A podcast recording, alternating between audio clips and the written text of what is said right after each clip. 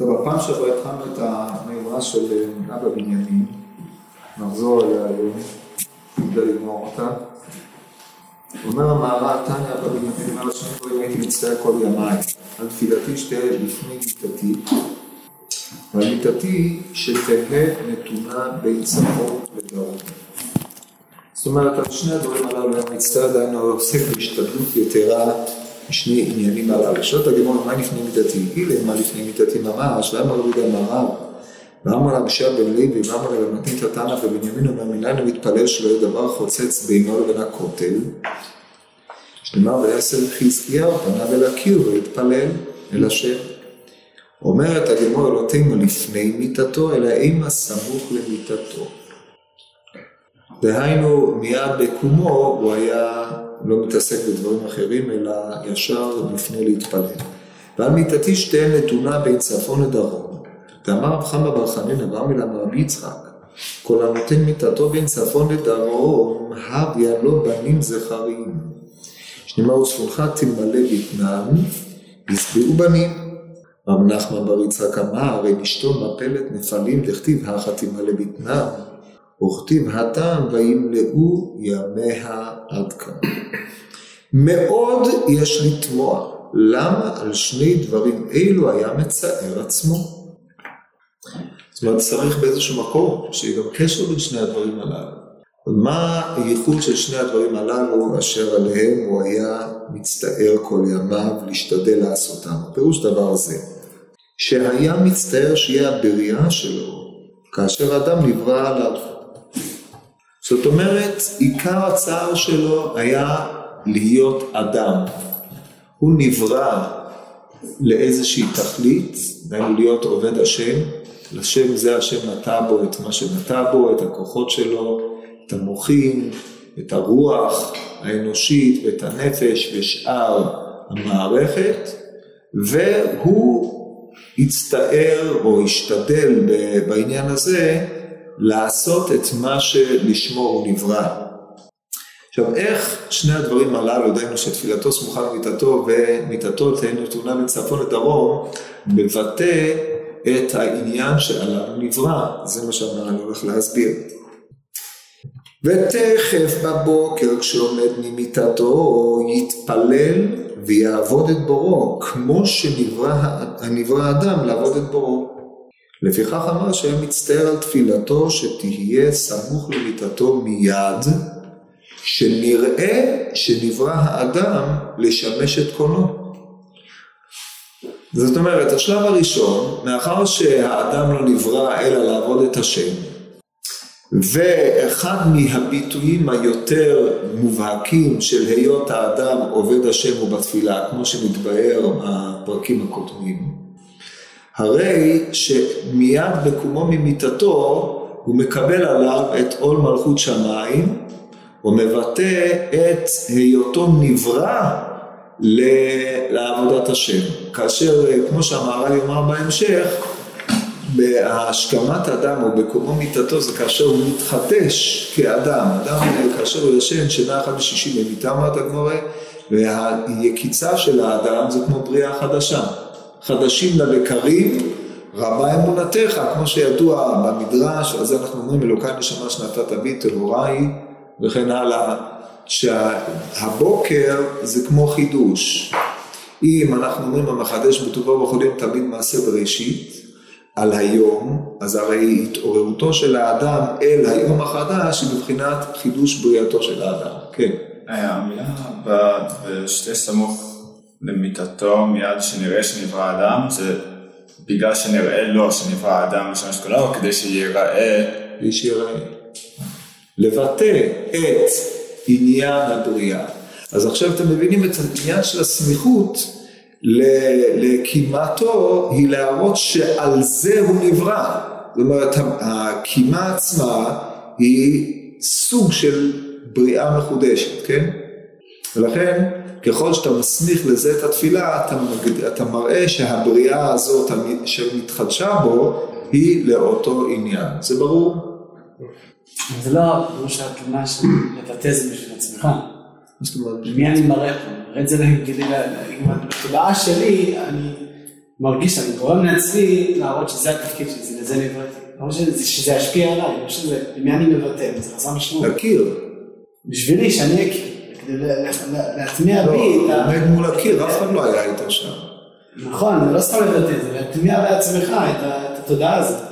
זה, זה לא רק להטמיע את התודעה, זה לממש את היעד שבשבילו נבראת.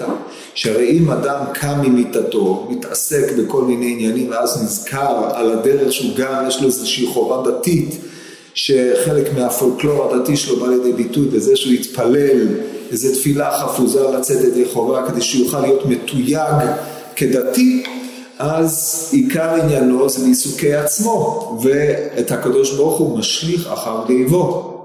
אבל כאשר האדם מיד מקומו ממיטתו מכיר שהקדוש ברוך הוא הוא זה שחידש בו את אותו כוח חיות, וחידוש כוח החיות הוא לשם עבודתו יתברך, אז בזה שהוא מיד הולך ועובד, אז הוא מבטא נאמנה את העניין שלשמו הוא נברא. זה ממש מממש את זה.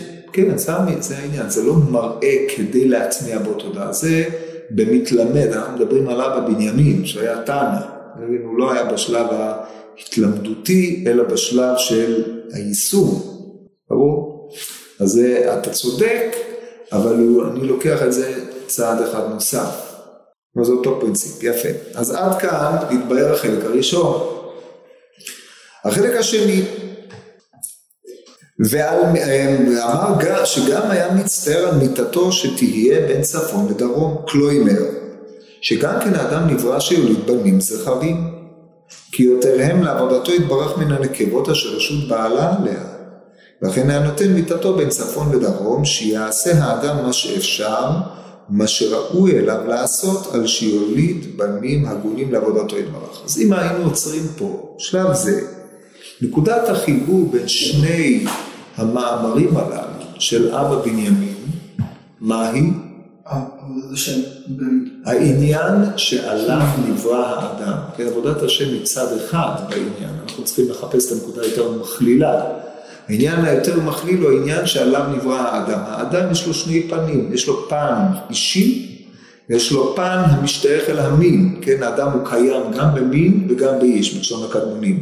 קיום באיש בעברית אה, מודרנית או בלעז- בלועזית מעוברתת, היינו אומרים שיש לו מימד אינדיבידואלי, ויש לו מימד אה, שהיינו קוראים לה יותר כמו מימד של בעל חיים, כן? בעלי חיים, אחד ה- ה- העניינים שמתוכנתים עליהם, אם נשתמש במונחים האלה לגבי בעלי חיים, הוא לקיים את, מין, את המין.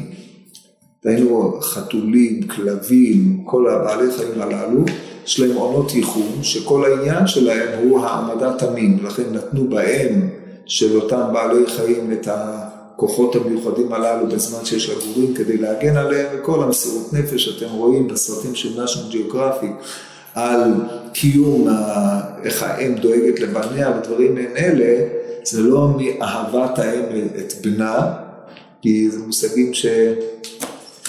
שייכים רק בדוחק יותר מתוך רצון אנושי לראות את זה שם, מאשר באמת מה שזה קיים שם, אבל זה טבע, כן, ככה הקדוש ברוך הוא טבע בהם כדי שהמין הזה יתקיים. הדבר הזה הוא גם קיים אצל האדם, הצורך להעמיד את תולדות, אבל הוא לא רק קיים אצל האדם מתוך איזשהו צורך אה, חייתי, בהמי כביכול, אלא הוא קיים אצל האדם גם מצד התודעה שלו שהוא צריך להעמיד אה, תולדות עובדי השם. אז זה הקומה אשר מתווספת על הקומה הטבעית אצל האדם, ולכן השתדלותו הייתה לזכרים, זכרים הם אלה שהם ממשיכים את עבודת השם בצורתה היותר יותר מבוררת, כן?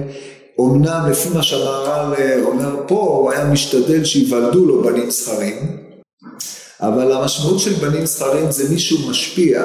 הסברנו בעבר שמשמעות הזכר היא השפעה, ומשמעות הנקבה היא סבילות שמקבלת את ההשפעה, וכמובן ביטוי של העובד הוא המשפיע, בעוד שמי שמתרשל בעבודה, אלא מתרשם מן העובד, הוא המושפע. אז לכן, כאשר ההשתדלות של אבא בנימין הייתה גם במישור האינדיבידואלי, דהיינו לממש את העניין של אה, היותו עובד, שעליו הוא נברא, ולממש את הצד הקיים במין אצלו, זה העמדת עובדי השם ממנו, שהוא מתבטא יותר בצד הזכרי שלהם מאשר בצד הנקבי. זה הנקודה המשותפת בשלב זה. ממשיך המהר"ל ואומר, כי האדם לא נברא רק על עבודת השם יתברך, ולכך היה מצטער על עבודת השם יתברך שתהיה מיד בקומו ממיתתו, ולא שהיה מצטער על עבודת עצמו שיעבוד עבודת השם יתברך. רק שיהיה יוצא גם כן ממנו שיוליד זכרים לעבודתו יתברך. כלומר, לא הבנתי את המשפט הזה אטומו, מה הוא שולל פה. כי הדבר שהוא מחייב הוא די ברור, אבל מה שהמהר"ל אומר, היה מצטער על עבודת השם יתברך שתהיה מיד בקומו ממיתתו, ולא שהיה מצטער על עבודת עצמו, שיעבוד עבודת השם יתברך. זאת אומרת, להגיד כל ימיי הייתי מצטער שתהיה תפילתי סמוכה למיטתי, זה לא שהייתי משתדל להתפלל, אלא, ש... וזה כנראה הכוונה, כן, לא שמצטער על עבודת עצמו, שאיך הוא מתנסח פה, עבודת עצמו שיעבוד את השם יתברך. הוא לא אומר, אני הייתי משתדל לקיים מצוות או לעבוד את השם. זה לא העניין. זה שהוא היה עובד השם זה ברור, אלא הייתי משתדל שעבודת השם תהיה באופן שניכר מה, מהעבודה עצמה שהיא נעשית משום שעליה נבראתי. זו כנראה כוונת המשפט הזה. ברור? לא הבנתי. לא הצלחת להבין איך אני רואה את זה במשפט. אני לא הצלחתי להבין בהתחלה, חזרתי על זה כמה פעמים. אז זה משפט קשה, אז אני אחזור על זה עוד פעם. לכן, לכך היה מצטער על עבודת השם יתברך, שתהיה מיד בקומו עם מיתתו. ולא שהיה מצטער על עבודת עצמו שיעבוד השם יתברך. עבודת עצמו שיעבוד השם יתברך, פירושו של דבר שהייתי מצטער שאת העבודה שאני עובד אני אעשה לשם השם. זאת אומרת יש לנו פה שני עניינים, אדם אומר אני הצטערתי כל ימיי לעבוד את עבודת השם. כלומר אף על פי שהיו לי משיכות, להתעסק בדברים אחרים, כפפתי את יצרי, שברתי את רצונותיי ועשיתי את רצוני רצונו. כמו שכתוב, עשה רצונך רצונך רצונו, כדי שיעשה רצונו רצונך, ו... אבל לא על זה מדבר, הוא אומר, הוא אומר יותר מזה, זה פשיטה לב. אלא שעשי, שעשיית עבודת השם תהיה באופן שניכר ממנה שלא נבראתי אלא על עבודת השם. כי הרי זה ברור שבשעה שאדם עושה את עבודת השם, אז הוא עושה אותה מפני שהוא מצווה, אבל זה לא מבטא את העובדה שהוא נברא לשם כך. יכול להיות שלפי שעה עובד השם, נגמרה המצווה, הולך ועושה דברים אחרים. ברור? כן. אני חושב שמה שהוא רוצה להגיד זה שהוא לא עושה את הדבר רק בתור השלמה פרטית שלו, כי גם אם, גם אם המטרה האישית שלי זה לעבוד את השם, זה עדיין מטרה אישית שלי. כי הוא מכוון את כל הרצון שלו בתור רצון של אלוקים, ולא כרצון שלי לעבוד את אלוקים. יכול להיות. אה, יכול להיות, לא, לא, לא יודע אם זה הכוונה. אולי זה מה שאני אמרתי. כן. טוב, הלאה. רק שיהיה יוצא גם כן מאיתו שיוליד זכרים לעבודתו יתברך. אז עד פה הוא בעצם חזר על הטענה שהוא אמר קודם לכן, וחידד את התובנה של שני הצדדים הללו, דהיינו עיקר עניינו זה, עיקר עניינו של אבא, אבא בנימין בשלב זה, זה לבטא את היותו נברא לעשות את, לעבוד את השם בשני המישורים הללו, הן בתפילה והן בהולדת ספרים. עכשיו אנחנו נכנסים לרובד יותר עמוק, הרבה יותר עמוק, והסוף הוא מבהיל בעומקותו, אז עכשיו נלך לאט לאט. אומר המהר"ל, ויש לך לדעת כי מכוח צפון כוח הזכרים, כי נקרא צפון משום שאין השמש נמצא שם, ולפיכך הברכה היא מכוח צפון, כמו שאמרו ז"ל, הרוצה להעשיר יצפין. כי צפון כוח מסתר שאין אור השמש נגלה לשם, והעושר והברכה מכוח מסתר, שאין ברכה אלא בדבר הסמוי מן העין.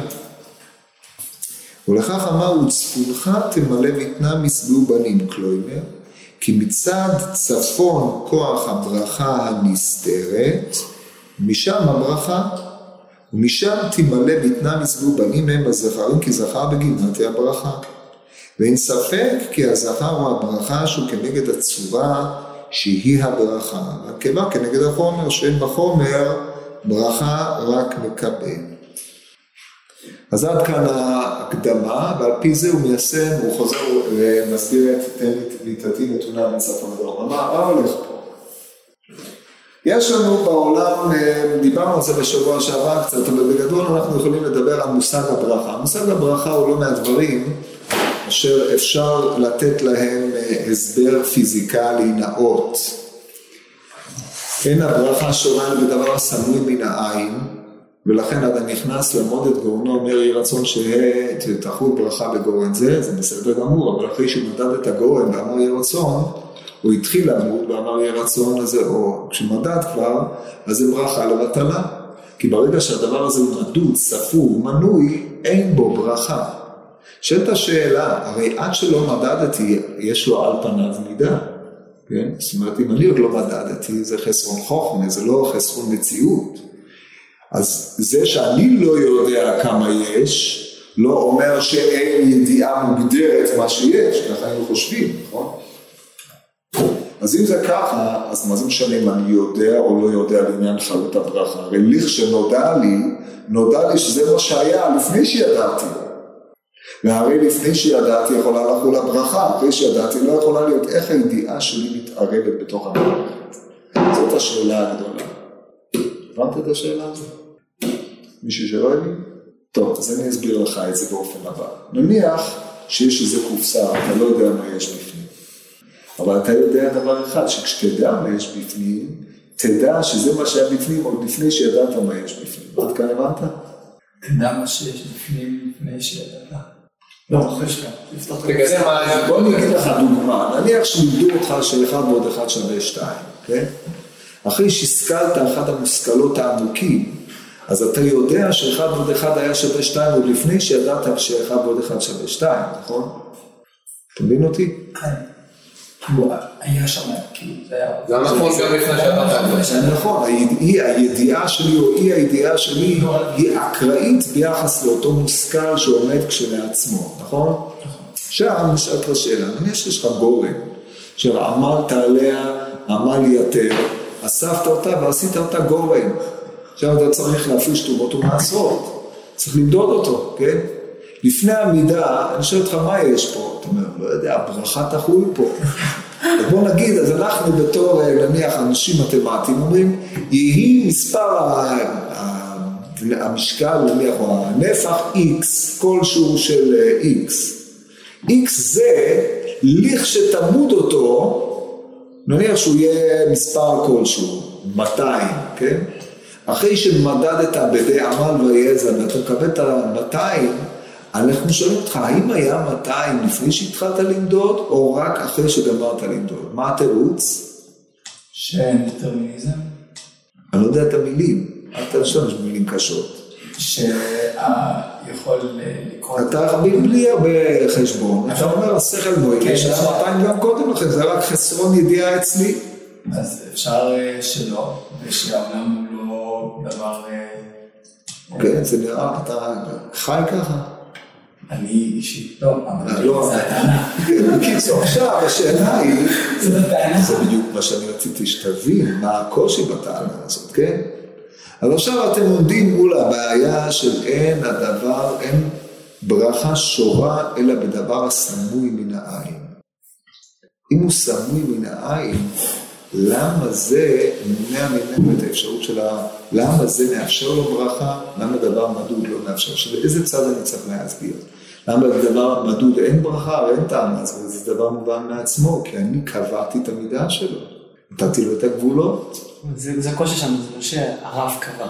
זה כבר היה קבוע. לא, אני קודם כל מתחיל במה שאנחנו מדדנו. בטוח. מדדנו את הגורן והגענו ל-200. זה לא כי אנחנו קבענו, זה כל הקושי.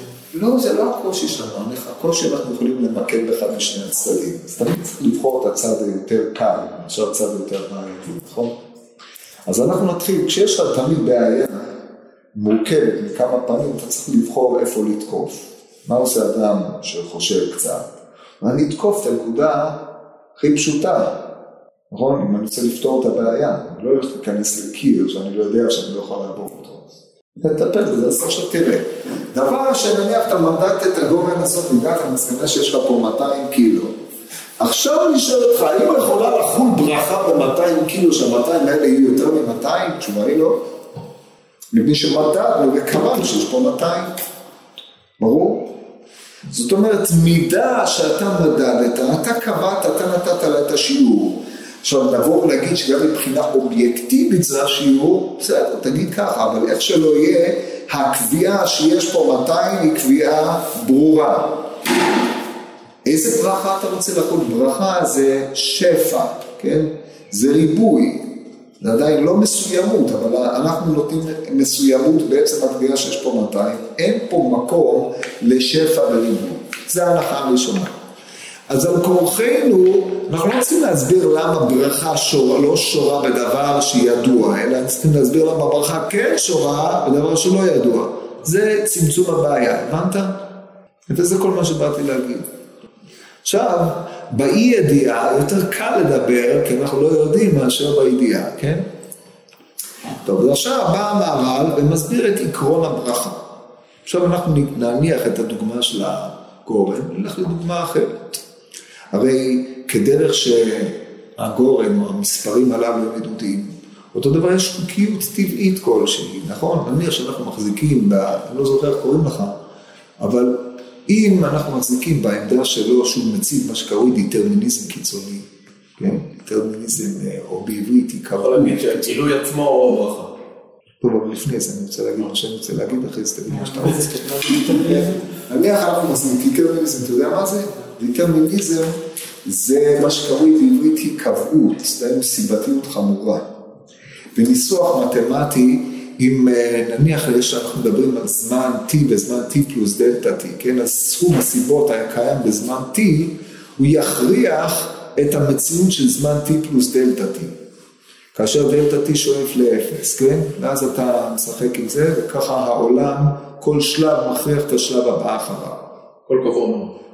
עכשיו הסוד בהקשר הזה, אם אנחנו מנסחים את זה ככה, שסיגמה של הסיבות שקיים בזמן t, הוא כיוון שהוא אינסופי, אז הוא חסר משמעות, אז אין טעם לדבר על סיגמה של דבר אינסופי, כי אתה לא יכול לסכם את האינסופי, אתה מבין? זה הפתרון לבעיית הבחירה, מי שחושב במונחים דיטרמיניסטיים מתמטיים, אבל אלה שלא חשבו במושגים כאלה, אז הם אמרו, הסיבות בזמן נתון מובילות בהכרח את מה שקורה אחר כך. עכשיו נחזור לעולם, לחיים הרגילים. אתה זורע, קוצר, שני אנשים, יש להם שתי ערבות, זו ליד זו.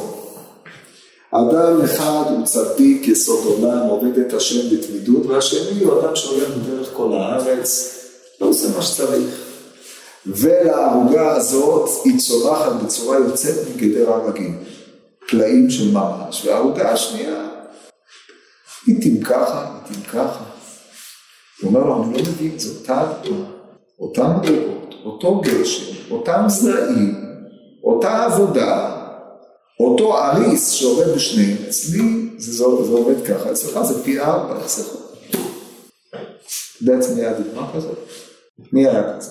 זה כמו משהו גשם שאפשר... יפה, זה גמרא בתענית, אבל בדניאל בר קטינה, יש לכם דוגמה בתורה, יצחק. יצחק, הוא זרע מאה שנים, מה עשו אחרים? זרעו ולא עלה כלום.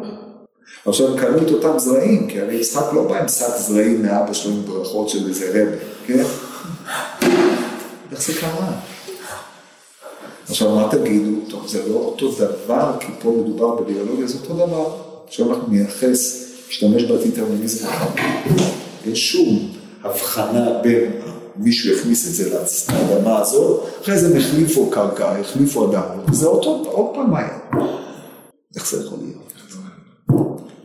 אז פה אתם מבינים שגם למרות העניינים הטבעיים משהו, יש התערבות על-טבעית.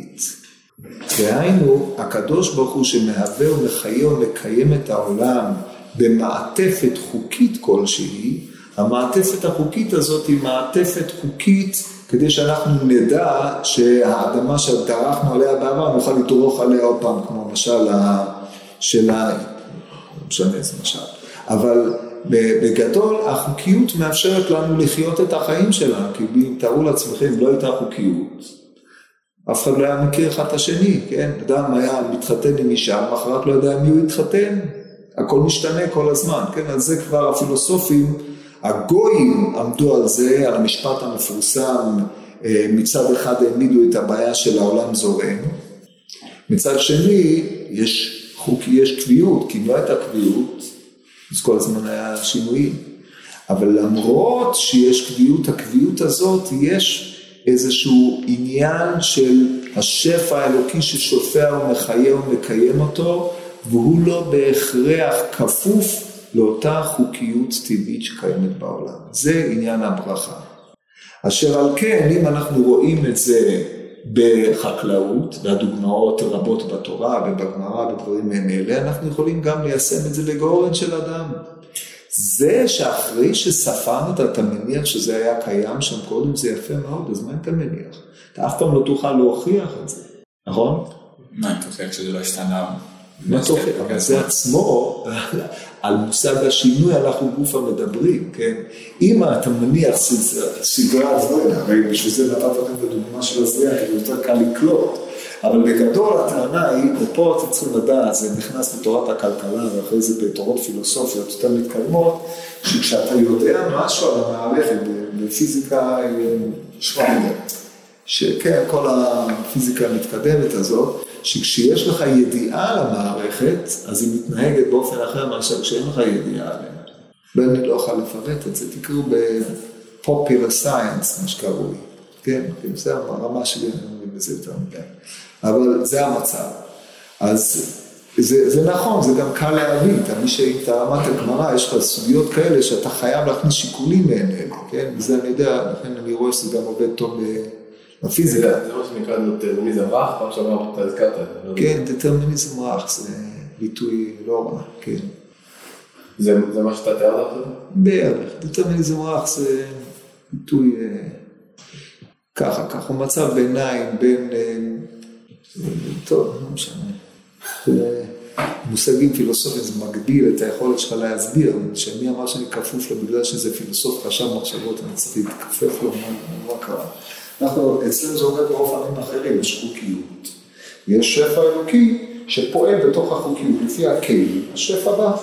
אם יש לך כלים גדולים, אז בא לך יש הרבה שפע, יש לך כלים קטנים, אז שפע מצומצם, רוב האנשים שלהם, הכלים מצומצמים, כן, מושגים קבליים, משהו, אבל אה, ככה זה עובד, זה המציאות. אפשר להגיד שתבואה וגורן זה דברים שונים ש...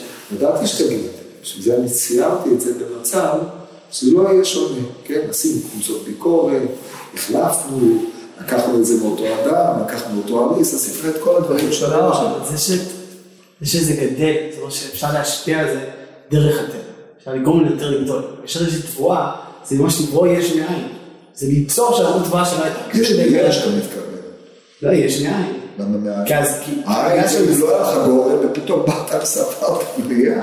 אבל כשיש, יש, אבל פתאום לספר, אבל לפני שספרתי, פתאום מופיע לי, כשאני מבקש ממך, זה גדל בקרקע, זה נראה יותר טבעי, גדל ליום. את הסוג שמן של האישה התקראית, אתה מכיר? זה יש מאין או יש מיש? בדבריך זה יש מאין? לא ככה היה. אז תחשוב, כל הזמן לוקח לחשוב. מיידי. בסדר? ברור? אז תראו, יפה. אז עכשיו, אז כל מה שאני עושה זה רק לקרב אתכם אל השכל של הדברים האלה. מה הקושי שלנו? שאנחנו לא חווינו חוויה כזאת. לא ראינו, לא שמענו. אבל הרי הרמב"ן, בפירוש התורה שלו, מלא מזה. כל פרשת והיין שמוע מבוססת על הדברים האלה. כל מה שהרמב"ן אומר בפרשת בחוקותי, אני יוצא מתוך נקודת הנחה שאתם למדתם פעם רמב"ן? למרות שאתם שיעור א', ואם לא למדתם, אחד מעמודי המחשבה הישראלית היותר גדולים והיותר חשובים שיש זה הרמב"ן. אור עולם מבהיל ביותר, וחייבים לקרוא את כל הדרשות שלו ואת כל הכתבים. אמנם יש אצלו דרך האמת, שזה קצת קשה להבין, די סתום, אבל בדברים שהם לא, לא בדרך האמת, חייבים לדעת את זה, זה יסודות האמונה של ממש. בדבריו ברורים וחדים, והוא אבי, אבי המחשבה הישראלית. הוא ענק של הענקים, צריכים לדעת את זה, פירוש התורה, צריכים לעבור על הפירוש של התורה של הרמב"ן, לקרוא את הדרשה תורת השם תמימה, שער הגמול, דברים כאלה, ספרי יסוד. הייתי מלמד אותם במקום מהר"ל, לא שלימדתי אותם קודם לכן, למישהו אחר, קבוצה אחרת. אז בכל מקרה, שם הרמב"ם מבסס את הטענה הזאת בפרשת, בכל הברכות. אם בחוקותיי תלך והשיג לכם די שבציר ובסיר יציג את זרע ואכלתם לחמכם לסור ושבתם בביתם בארצכם, זה קשור לזה שבחוקותיי תלך, ומה זה אחד לשני? סיבתית אין קשר. יש שפע יוצא מגדר הרגיל, איך זה יכול להיות? אתם רואים את זה בחוש בארץ, מי שרוצה לפקוח את עיניו ויראה מה היה פה לפני, מה היה אחרי, מה היה בגוש קטיף לפני, מה יש עכשיו, או מה יש בכל הדברים הללו, איפה שהיהודים נגעו, מה קרה, ואיפה שהגויים אחרי זה נגעו, מה לא קרה, כן? לא צריך, יש לנו דוגמאות חיות, אבל כאן אנחנו ממאנים להבין ותולים את זה בכל מיני סיבתיות מפוקפקת זו או אחרת, בגלל שבידי גויים נוכרים יספיקו, כמאמר הנביא, אבל זה השפע האלוקי ששופע והברכה שקיימת, שלא יאומן כי יסופר, ואנחנו רק מתחילים לגרד את תחילת השפע שיכול להיות. מי שקרא מה שהיה פה בזמנו של שלמה, הוא לא יאומן כי יסופר. אתם קראתם מה, מה הציג שלמה פה? תקראו בביליקובסקי מה הוא חושב, הוא כותב על שלמה. לא שיהיה כמה לו עוררין, אבל כל פנים זה דבר מאוד מעניין לקרוא. מה זה? יש מישהו שלא יודע מה זה, חוץ ממנו? יש מישהו שיודע? אתה יודע? לא. אתם לא יודעים מה זה. לא, היה יהודי אחד חכם, שהיה פסיכולוג, חבר של איינשטיין, והוא אה, יצא להסביר כל מיני אה, תופעות פלאיות בכתובים, על ידי התבוננויות בכל מיני מערכות, כנגד הרבה מדברים שלא יצאו, אבל יש לו טענות מאוד מעניינות. אה, מי שהוציא את זה לאור, הספר קיים עכשיו, קלות לקרוא בישיבת הר ברכה, אפשר לעשות לקרוא את הספרים האלה. מבחינה מדעית ערערו, אז יש לזה קרוב אחד שהוא שלל את כל מה שהוא כותב בתפיסותיו האסטרופיזית, הוא אסטרופיזיקאי, הקרוב שלו זה. הוא אמר, הכל טעות, פה, שם, אבל יש לנו דברים מאוד מעניינים אה, שהם גם לא במחקר האסטרופיזי, כי הוא היה אדם רב-תחומי. הוא חקר גם תחומים של אה, אנתרופולוגיה ודברים מעין אלה, השוואת תרבויות, ובהשוואת התרבויות, אתה מסתכל על התרבות בזמנו של שלמה, היא הקדימה את זמנה בסדר גודל של אלף שנה. מבחינת הכמות של השפע? מה? מבחינת השפע? מבחינת מה שההשגות שהשיגו, הם קיבלו פה לבנה, אנחנו אפילו לא יודעים איך עושים את זה. ההשגות, הדברים ששלמה השיג פה, הם, הם לא יאומנו, פשוט לא יאומנו. גם בתואר בכתובים.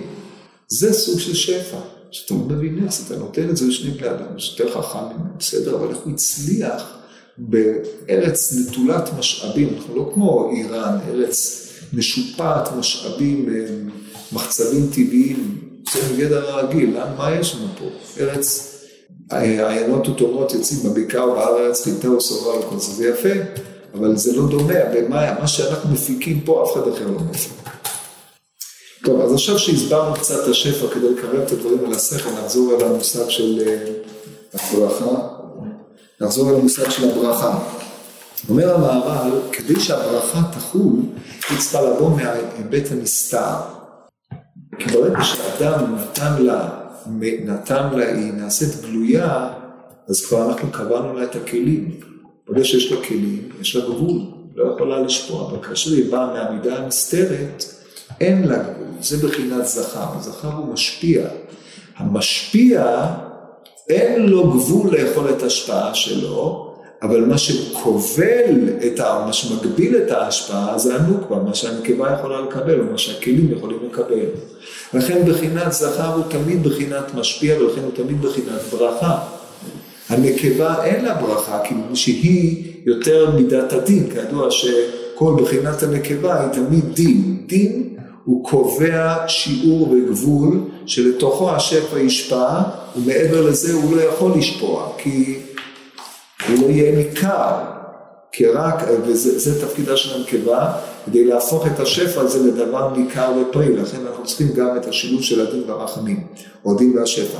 כן, נחזור למהר"ל, אומר המהר"ל, יש לך לדעת כי מכוח צפון כוח הזכרים, כי נקרא צפון משום שלשמש נמצא שם, אז הסברנו, לפיכך הברכה היא מכוח צפון. עכשיו, מקום שהשמש נמצאת שם, זה כמובן ביטוי אלגורי למקום המונהג על פי החוקיות הטבעית. מקום שיש בה חוקיות טבעית, יש בה גבול, זה העניינו של החוק. כל עניינו של החוק הוא הגבול. זה הנהגת השמש, כמו שהמערב מסביר בסופר תפארת ישראל. אבל בחינת הצפון הוא בא ממדרגה שהיא יותר נסתרת ועליונה, לא מדרגה מוגבלת בחוקיות או בדטרמיניזם הרך או הלא רך, שתרצו. ומאחר שזה בא ממקום יותר עליון, אין לו הגבלות כפי שיש לה הגבלות למה שהוא מונהג בהנהגת הטבע של הנהגת השמש. והעושר והברכה מכוח הנסתר שאין ברכה אלא בדבר סמוי מן העין, כי העין היא המידה, הכלי וההגבלה. ולאחר אמרו צפונך תמלא ויצנע מסבו בנים, כלומר כי מצד צפון כוח הברכה הנסתרת ומשם הברכה. ומשם תמלא ויצנע מסבו בנים והם זכרים, כי זכר בגימטר הברכה, ואין ספק כי הזכר הוא הברכה שהיא כנגד הצורה, שהיא הברכה. בקיצור, כאשר אתה מקבל את תפיסת הצורה חומר של המערל, החומר הוא מצע, שהצורה קובעת את המהות שלו. חומר הוא המקבל בלבד, הוא מתפעל מאותו שפע שחל עליו, והוא הוא בעצם הצור, הוא הברכה ש... אותה צורה בחומר של הרמב"ם? פחות או יותר, לא תמיד. והנקבה כנגד החומר שאין בחומר ברכה רק הוא מקבל. ולכן אמר שנתן מיתתו בין צפון לדרום, לא אמר בין דרום לצפון, אלא בין צפון לדרום, דהיינו בין הנסתר לנגלה. הדרום זה ימין, זה מקום החסד. הצפון זה המקום הנסתר, זה זרימת השפע. ואז אה, הדבר הזה מבטא את בחינת הזכר, את בחינת ההשפעה. אם כן יוצא שמיטתו הנתונה בין צפון לדרום, אם אנחנו נעביר את זה למישורים אלגוריים, זה מלבד זה שהוא עבד את השם בהיבט הזה, היה לו גם מימד של השפעת ברכה אל האחרים. והשפעת ברכה אל האחרים היא בחינתו של אברהם אבינו, שהוא מיטיב עם הזולת.